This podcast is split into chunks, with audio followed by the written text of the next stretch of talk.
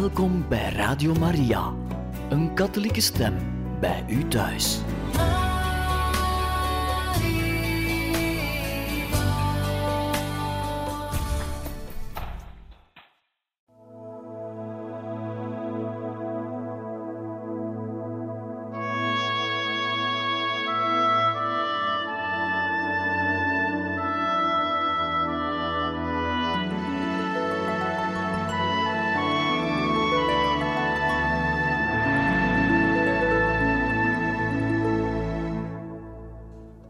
Luisteraars van Radio Maria, in dit programma lezen wij verder voor uit het boek Don Bosco van Teresio Bosco. En we zijn gekomen bij hoofdstuk 29 En God stuurde een hond. Op 17 februari en 29 maart 1848 had Carlo Alberto gelijke burgerrechten toegekend aan protestanten en joden. Tot dan toe werden die slechts geduld. De katholieken dachten dat de protestanten na het verkrijgen van gelijke rechten kalm en rustig zouden zijn. Maar het tegendeel was waar. De Waldensers ontketenden een echte rage van bekeringsijver. Ze gaven drie bladen uit: La Buona Novella, het goede nieuws, La Luce Evangelica, het evangelische licht, en Il Rugantino Piemontese, een figuur uit het volkstoneel. Voor lage prijzen drukte en verspreidden ze propagandaboeken. Ook werden reeksen voordrachten georganiseerd. Dat was het eerste koude stortbad van het pluralisme. De Piemontese katholieken waren verontwaardigd maar wisten verder niet veel te doen. Ze hadden te veel op de burgerlijke wetten vertrouwd, die hen tot dan beschermd en verdedigd hadden, schrijft Don Bosco. En ze hadden nauwelijks een krant of een ander cultureel werk. Er waren geen tijdschriften en geen boeken die de man in de straat in handen gegeven konden worden. De Piemontese bisschoppen kwamen in 1849 bijeen te Villanovetta, Cuneo. Zich kwaad maken dient nergens voor, was hun besluit. We moeten reageren in de pers en in de prediking. Concrete resultaten van de vergaderingen waren de publicatie van de Collezione dei Buoni Libri, de collectie van goede boeken van september 1849 van de krant La Campana, de klok van maart 1850 en van de Letture Cattolice, katholieke lectuur van maart 1853. Deze laatste uitgave, een reeks vlotte aantrekkelijke boekjes, was een idee van Don Bosco en werd vooral door de bisschop van Ivrea gesteund. Het programma gaf de bedoeling van de uitgevers als volgt weer. Ten eerste, de boeken zullen in een eenvoudige stijl en op een voor het volk begrijpelijke manier geschreven worden. Ze zullen onderwerpen behandelen die uitsluitend de katholieke godsdienst betreffen. Ten tweede, elke maand zal een aflevering van 100 à 108 bladzijden verschijnen jaarlijks abonnement 1 lire 80. Geen dialoog, maar man tegen man. De eerste zes deeltjes werden door Don Bosco geschreven. Ze verschenen tussen maart en augustus 1853 en droegen als algemene titel De katholiek kent zijn godsdienst. Don Bosco vertelde later lachend dat hij voor die eerste zes afleveringen met moeite een bisschop had kunnen vinden die de kerkelijke goedkeuring wilde geven. De vicaris-generaal van Turijn zei hem: Ik voel mij niet gerechtigd mijn handtekening daaronder te zetten. U daagt uw vijanden uit en gaat ze frontaal te lijf. Don Bosco had ze neergepend met de beslistheid van een frontsoldaat. Hij wist niet eens wat dialoog betekende. Zijn stijl was die van man tegen man. Hij moest de jongens en de mensen redden voor de kerk, voor God en voor het eeuwig leven, en dus moest er gevochten worden. Met alle middelen wilde hij zich verzetten tegen de stortvloed die maatschappij en godsdienst dreigde mee te sleuren. Toen Don Bosco terugdacht aan het fiasco van zijn vorig blaadje, de vriend van de jeugd, sloeg hem de schrik om het hart. Maar de katholieke lectuur vond een goed onthaal en het aantal lezers was zeer groot. Maar daarmee haalde hij zich de woede van de protestanten op de hals. De protestantse dominees van de secte der Waldenzen, Bert, Meij en Pugno, trachtten Don Bosco over te halen zijn lectuur stop te zetten en tenminste de toon te verzachten. Maar ze kregen nul op het request. Op een zondagavond in januari werden er twee heren aangemeld. Ze traden binnen en feliciteerden mij. Eerwaarde, u hebt groot talent. U wordt gelezen en begrepen door de massa. Waarom schrijft u niet over geschiedenis, aardrijkskunde en natuurkunde? Maar laat dan de katholieke lectuur lopen, dat is een afgezaagde zaak. Don Bosco antwoordde: Het is waar dat die zaken in standaardwerken al behandeld werden, maar er was niemand om ze aan de gewone man te brengen. We zijn bereid u te betalen als u over geschiedenis schrijft, en ze boden mij vier biljetten van duizend aan, maar houd op met dat nutteloze werk. Als het een nutteloos werk is, waarom biedt u mij dan geld aan om ermee op te houden? Luister, heren, priester worden betekent voor mij mij te wijden aan het heil van de kerk en van de arme jeugd. En daar blijf ik mee doorgaan, ook met het schrijven en drukken van de katholieke lectuur. Nu sloeg de toon om. De stemmen werden dreigend. U doet er verkeerd aan. Als u het huis uitgaat, bent u er dan zeker van dat u terugkeert? Ik stond op en deed de deur van de kamer open. Bouzetti, zei ik, breng die heren naar de poort. Wijn en kastanjes. Bij het weggaan mompelden die heren nog: We spreken elkaar nader. In het laatste hoofdstuk van zijn gedenkschriften vertelde Don Bosco over dat elkaar nader spreken en hij schreef: Ik had het voorgevoel dat er een samenzwering tegen mij op touw gezet was. We laten hier zijn verhaal volgen, waar nodig wat ingekort. Op een avond, toen ik les aan het geven was, kwamen twee mannen in allerijl aanlopen. In het wijnhuis, het Gulden Hart, in de Cotolengo-straat 34, lag een stervende. Ik besloot erheen te gaan, maar ik wilde dat een paar van onze grootste jongens mee zouden gaan, ook al probeerden ze mij ervan af te brengen. In het Gulden Hart werd ik naar een kamer op de benedenverdieping gebracht, waar een paar kerels kastanjes zaten te eten. Ze wilden dat ik met hen mee at. Dat weigerde ik. Drink dan ten minste een glas van ons. Een slokje zal u geen kwaad doen. Ze schonken wijn in voor iedereen. Maar toen ze bij mij kwamen, was iemand zo onhandig een andere fles te pakken. Ik greep het glas, zei gezondheid en zette het op tafel. Doe dat niet, het is niet fraai, dat is een belediging. Maar ik heb geen zin in drank. Toen begonnen ze te dreigen. Hoe dan ook, iets drinken zult u.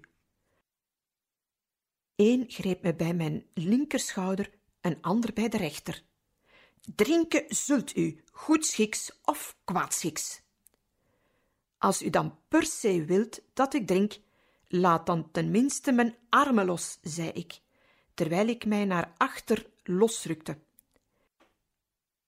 En aangezien ik niet wil drinken, zal ik mijn glas aan een van mijn jongens geven. Die zal het wel uitdrinken in mijn plaats. Onder het uitspreken van die woorden zette ik een grote stap naar de deur toe, trok die open en vroeg de jongens binnen te komen. Bij het zien van die grote jongens sloeg de toon om. Ze verontschuldigden zich en zeiden dat de zieke de volgende dag wel zou biechten. Een vriend stelde een onderzoek in en wist me te vertellen dat iemand hun een etentje had aangeboden op voorwaarde dat ze mij te drinken zouden geven wat die man voor mij klaargemaakt had.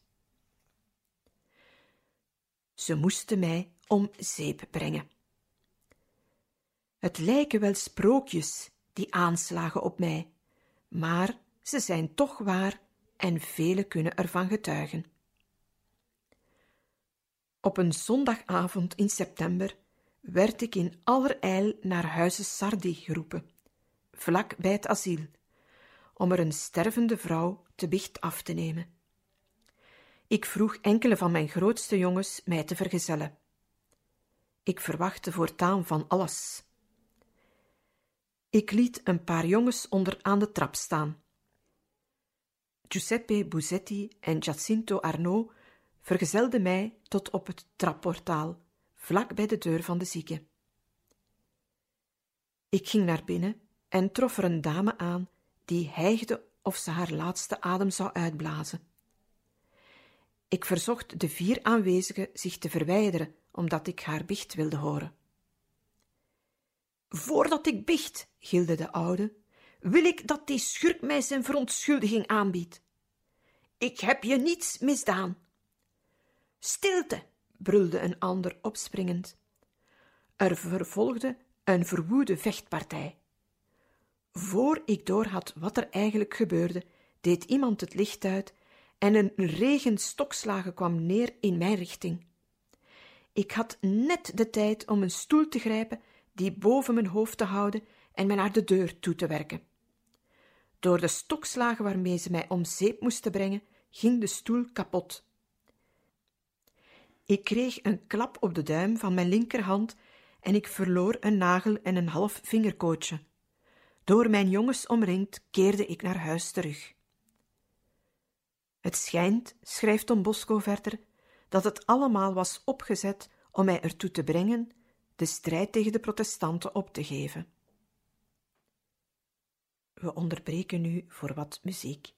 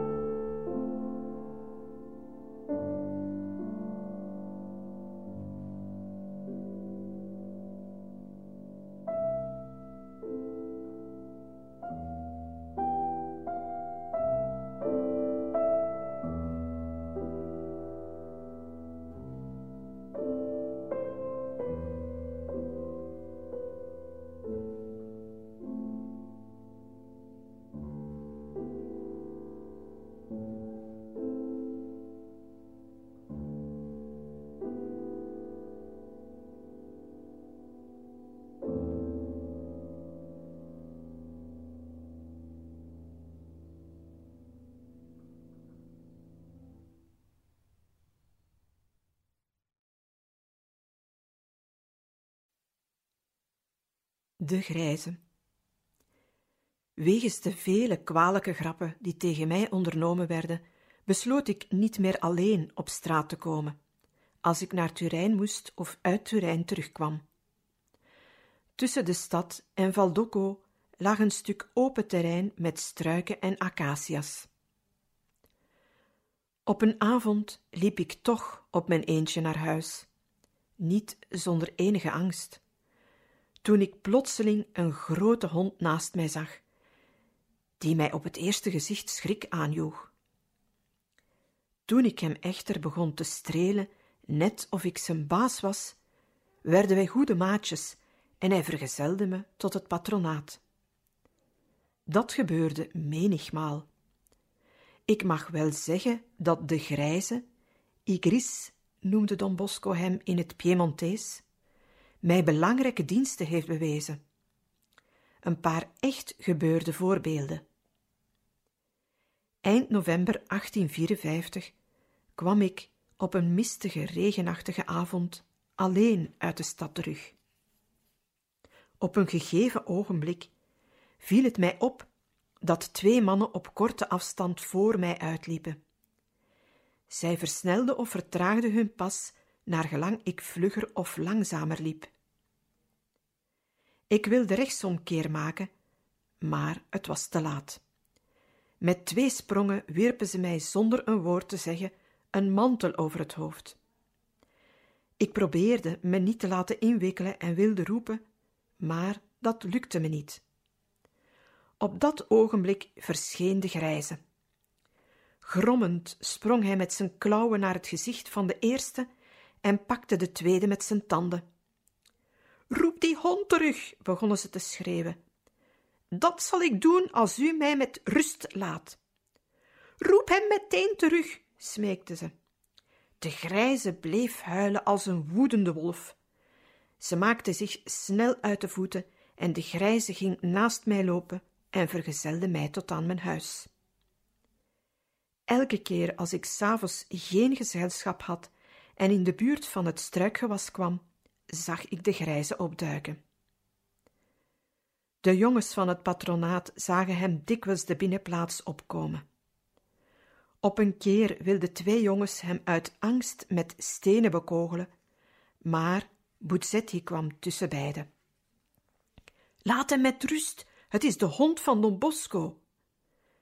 Ze begonnen hem te strelen en namen hem mee naar de refter, waar ik met een paar priesterstudenten en met mijn moeder zat te eten. Die keken verbijsterd naar hem. Wees maar niet bang, zei ik, dat is mijn grijze. Laat hem maar komen. Met een grote boog liep hij om de tafel heen en kwam helemaal uitgelaten naar mij toe.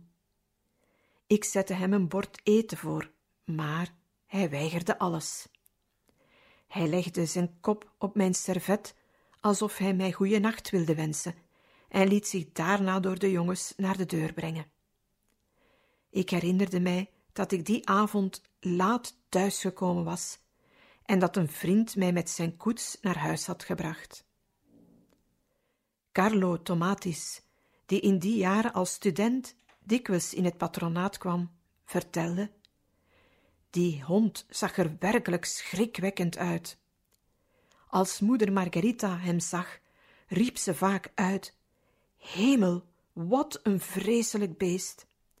Hij zag eruit als een wolf met een lange snuit, rechtopstaande horen, een grijze vacht en was één meter hoog. Op een avond vertelde Michel Leroy, en hij heeft de grijze tweemaal gezien, moest Don Bosco voor een dringende zaak uit. Maar hij trof de grijze lang uit op de drempel aan. Hij probeerde hem opzij te duwen of over hem heen te stappen. Maar telkens liet de hond zijn tanden zien, zodat Don Bosco achteruit deinsde. Moeder Margarita, die de hond nu kende, zei tot haar zoon in haar pittige dialect: Set vuelle nen scute mij mi, scunta al menican, nen. Als je naar mij niet wilt luisteren, luister dan naar de hond en ga niet uit. De volgende dag hoorde Don Bosco dat iemand hem met kwade bedoelingen en met een pistool in de bocht had staan opwachten. Don Bosco had dikwijls geprobeerd te achterhalen waar die hond vandaan kwam. Maar hij was er nooit in geslaagd. Nog in 1872 vroeg barones Azelia Fassati hem wat je van die hond moest denken. En Don Bosco antwoordde glimlachend: Wie weet, was hij een engel? Dat klinkt wel raar, maar je kunt toch ook niet zeggen dat de grijze een gewone hond was. Slapen bij de schoenmaker. Overdag werkte Don Bosco voor zijn jongens, legde bezoeken af om giften op te halen en ging op veel plaatsen in de stad biecht horen en preken. S'nachts besteedde hij heel wat uren aan het verstellen van kleding en schoenen en aan het schrijven van boeken. Hij sliep veel te weinig en de slaap overviel hem soms onverwachts. Na het middagmaal, weet Giovanni Cagliero te vertellen, viel hij soms onmiddellijk in slaap, terwijl hij op zijn stoel zat en zijn hoofd op zijn borst hing. Dan trokken de aanwezigen zich stilletjes op hun tenen terug om hem niet te wekken. Voor hem was dat het moeilijkste uur van de dag. Dan ging hij uit, deed boodschappen in de stad en bezocht de weldoeners om hulp te vragen. Al lopende blijf ik wakker, zei hij lachend, maar daar slaagde hij niet altijd in.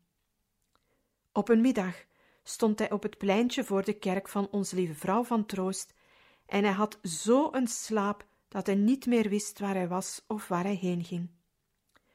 Vlakbij was er een schoenenzaak. Don Bosco liep naar binnen en vroeg de eigenaar of hij een paar minuten op een stoel mocht slapen. Gerust, eerwaarde, kom maar. Het spijt mij dat ik u stoor met mijn hamer. Nee, nee, dat stoort me niet. Hij ging aan een tafeltje zitten en sliep van veertien uur dertig tot zeventien uur. Toen hij wakker werd, keek hij om zich heen en naar de klok. Hemelse goedheid, waarom hebt u mij niet wakker gemaakt? Maar, mijn beste, antwoordde de brave man, u hebt zo lekker geslapen dat ik het zonde vond u te wekken. Kon ik maar zo slapen. We onderbreken hier voor wat muziek.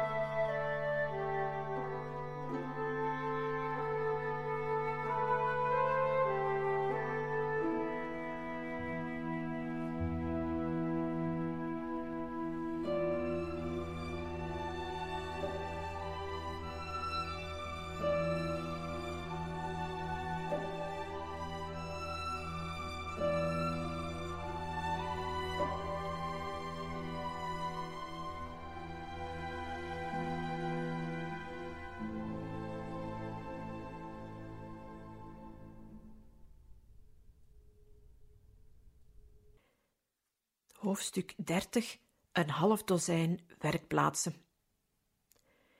In het archief van de Congregatie der Salesianen worden twee zeldzame documenten bewaard: een leerovereenkomst op gewoon papier gedateerd november 1851, en een tweede leerovereenkomst op gezegeld papier van 40 centimen met datum februari 1852. Beide werden ondertekend door de werkgever, de leerjongen en Don Bosco. Hier volgen de essentiële punten van de eerste overeenkomst. Krachtens het hier voorliggend privégeschrift in het patronaat van de heilige Franciscus van Sales opgemaakt, werd overeengekomen. Ten eerste, de heer Carlo Aimino neemt in zijn beroep van glazenmaker als leerjongen aan Giuseppe Bordone, afkomstig uit Biella. Hij belooft en neemt de verplichting op zich hem het beroep te leren in een periode van drie jaar en hem in de loop van die leertijd de nodige aanwijzingen te geven en de beste regels voor dat beroep bij te brengen. Ook zal hij letten op zijn gedrag en hem, als dat nodig is, terechtwijzen. Doch alleen met woorden en niet anders. Hij verbindt zich ertoe hem alleen te belasten met werkzaamheden die behoren tot zijn beroep en niet met opdrachten daarbuiten. Hij zal ervoor zorgen dat het werk zijn krachten niet te boven gaat. Ten tweede, de patroon zal zijn leerjongen helemaal vrij afgeven op alle zon- en feestdagen van het jaar. Ten derde, de patroon neemt de verplichting op zich de leerjongen tijdens het eerste jaar elke dag één lire te betalen, anderhalve lire tijdens het tweede en twee lieren per dag tijdens het derde. Elk jaar zal hij hem veertien dagen vakantie geven. Ten vierde, de jonge Giuseppe Bordone belooft tijdens heel de periode van de leertijd zijn werk voor zijn baas en patroon vlot, naarstig en aandachtig uit te voeren, en gewillig, eerbiedig en gehoorzaam te zijn. Ten vijfde, de directeur van het patronaat belooft zijn medewerking om de leertijd tot een goed einde te brengen. De vinger op vele wonden. In die overeenkomst legt Don Bosco de vinger op vele wonden. Sommige bazen misbruikten de jongens als knechtjes en koksmaten. Don Bosco verplichtte hen hun alleen beroepswerk te geven. De bazen sloegen erop los en Don Bosco eiste dat het bij woorden zou blijven als er aanmerkingen waren. Hij bekommerde zich om de gezondheid, de rust op zon- en feestdagen en de jaarlijkse vakantie. En hij stond erop dat het loon periodiek verhoogd werd, want in het derde leerjaar was de leerjongen praktisch reeds een geschoolde arbeider. De tweede overeenkomst droeg naast het zegel met het koninklijke wapen het volgende opschrift: Overeenkomst tussen de heer Giuseppe Bertolino, meester timmerman wonende te Turijn, en de jonge Giuseppe Odasso, afkomstig uit Mondovi, in aanwezigheid van de eerwaarde priester Giovanni Bosco en in aanwezigheid als borg van de vader van genoemde jonge Vincenzo Odasso, geboren te Garesio en woonachtig in de hoofdstad.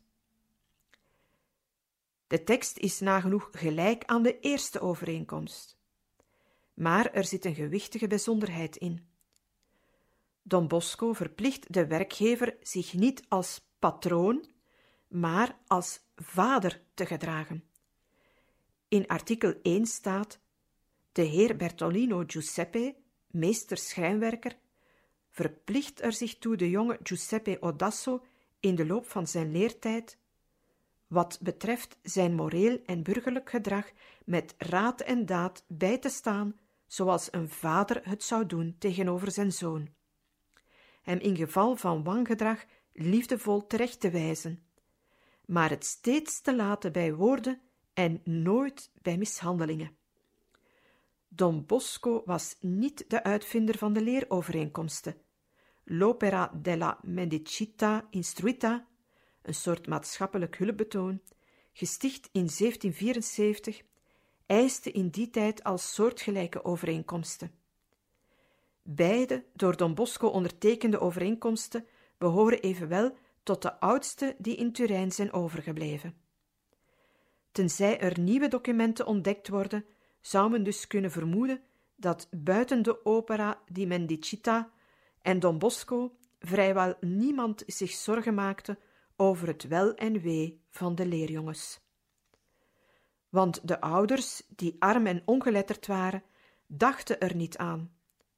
Ook niet de burgerlijke gezagdragers, die volgens de liberale theorie de jongens lieten misbruiken op grond van het beginsel van de vrije concurrentie.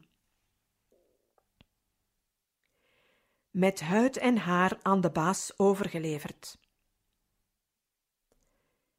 Bij het begin van het patronaat, Don Bosco nam daarin ook jongens intern op, nam hij vooral jonge arbeiders. Na de eerste jongen uit Valsesia, die in de regen in moeder Margherita's keuken belandde, na Buzzetti en Gastini, kwamen er elk jaar tientallen.